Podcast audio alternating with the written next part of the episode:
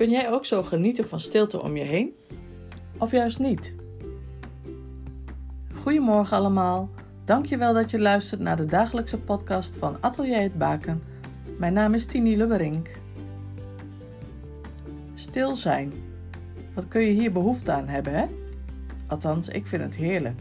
Zo een hele dag in stilte met zo nu en dan een beetje rumoer.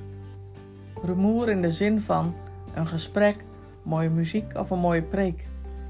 Stil zijn, door stil te zijn, door te luisteren naar de vogels buiten, door te denken over wat je bezighoudt, door te mediteren over een mooie tekst uit de Bijbel of een ander mooi boek.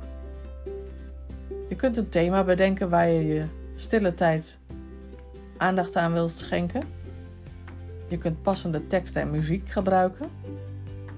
Je kunt woorden en kleuren zijn werk laten doen in je schrijfblok of op je canvas.